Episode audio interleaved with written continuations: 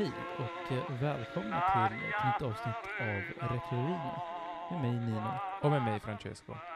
Ja, och idag har vi ett eh, nytt spännande vin framför oss som eh, ligger lite speciellt nära till mitt hjärtat för att det såklart är från, eh, från kampanjen. Ja, oh, shit. Alla. Det, nu, nu behöver vi lite till avsnitt om Norritalien, Nino. Men vi fixar. Ja, exakt. Vi, vi kommer dit snart. Faktiskt nästa skulle jag tro. Mm. I alla fall. Eh, Eh, kampanjen är väl kanske med rätta mer känd för de vita vinerna, men det finns väldigt fina röda viner. Och eh, jag skulle säga att det här är liksom kronjuvelen mm. bland de röda vinerna i Italien. Mm. Och vilket vin pratar vi om? Och vi pratar om Aglianico.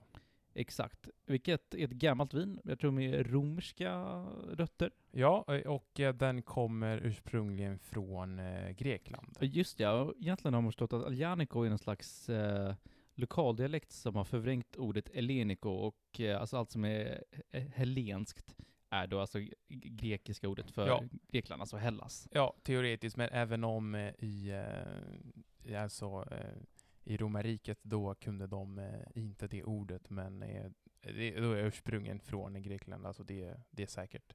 Och vi kan säga att det här vinet, där alltså druvan, den trivs väldigt bra på vulkanisk mark. Exakt. Och då är Campagna. Perfekt. Ja, visst, men det finns också i Basilicata.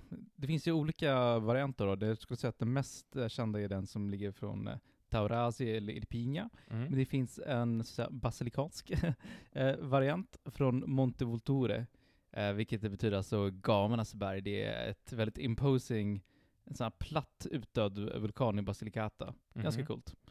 Och vi kan ju säga att det här vinet kallas för Il Barolo del Sud. Exakt, alltså Söderns Barolo. Mm. Och det tycker jag ändå är rättmätigt. Ja, och grejen är att det, det här vinet, till skillnad med andra röda viner från södra Italien, den kan ju också lagras i några år. Som är Exakt, rätt, det finns är, potentialen att ja, åldras precis, väldigt fint. Rätt, det är rätt speciellt. Och vad annat gör att det, det här vinet är ganska, är ganska speciellt, Nino?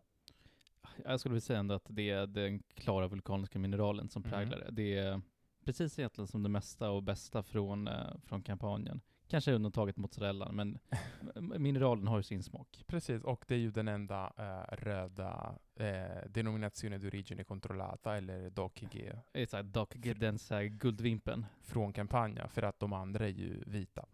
Som, uh, som gör att det, det, här röda är väldigt, väldigt speciellt. Och nu ska vi till uh, finprovningen. Ja, vad, vad, tycker du om färgen? Ja, färgen, färgen är, jag tycker att den är väldigt fin. Sån här mörk, rubinröd.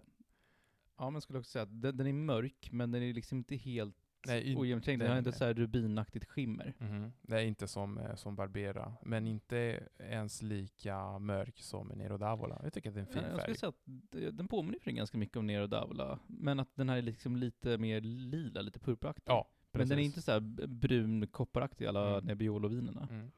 Och, eh, och vad, vad känner du Nino för?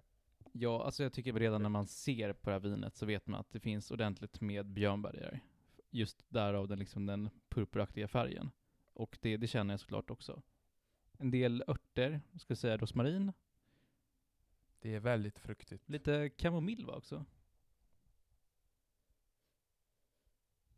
Nej, jag känner inte det. Men, okay. men björnbär definitivt. Ja. Alltså det är... Nej, men det är väl den det är väl dominanta okay. smaken. Ja, precis. Eh, och eh, kanske Alltså sådana här eh, småfrukter, lite nu, så vi hallon. små täppta i näsan. Ja, precis. Ja, men hallon brukar ju finnas i de här tunga rödvinerna, så mm. det, det, kan vi liksom nästan bara utgå från att det finns. Mm. Mm. Right, men till, uh, till smaken då? Chin chin.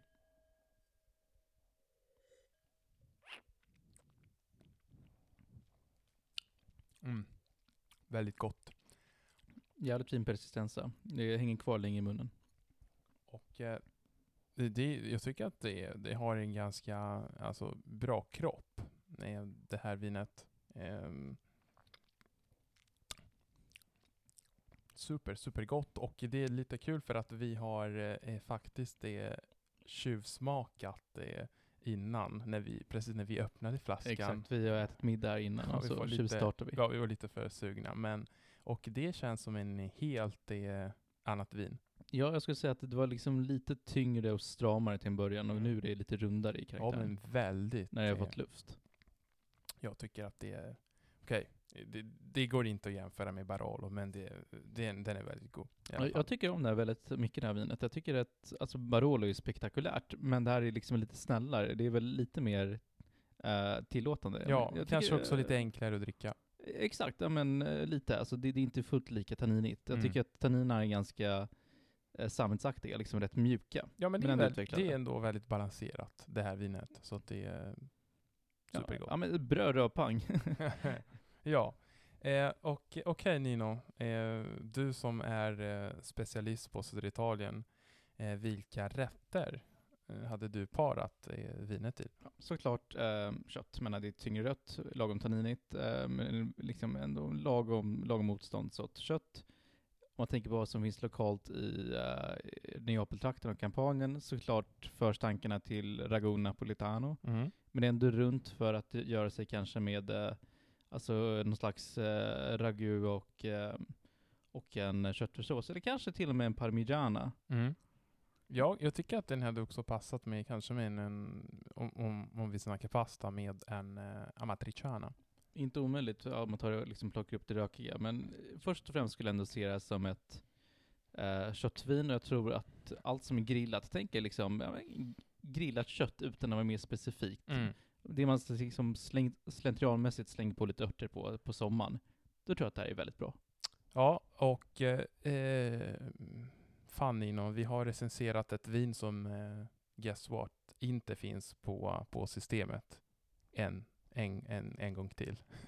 Tyvärr, men um, alltså det är skillnad från kanske Nero Davola som finns på systemet, men att man kanske inte riktigt får det utbud man hade önskat. Eh, samma sak med Montepulciano. Så problemet är att det är ett ganska lokalt vin som kommer från begränsad region som inte haft lika god marknadsföring skulle jag säga. Ja. Genom åren. Och där, därför finns inte efterfrågan. Mm. Det, det finns inte utbudet då i marknader som Sverige. Ja, jag ska inte uttala mig om, om saker, eh, saken för att eh, du vet mina synpunkter om systemet. Men ändå, eh, det, det, det, går ju att beställa från andra leverantörer. Och, eh, men Nino, nästa avsnitt, är, då lovar jag att vi eh, kommer tillbaka till, eh, till norra Italien. Ja, men vi kan ju röra oss med de här bardvinerna från eh, Piemonte. Ja, vi längtar till. Men måste medge att det här vinet är super, super gott och eh, länge leve, länge leve södra Italien.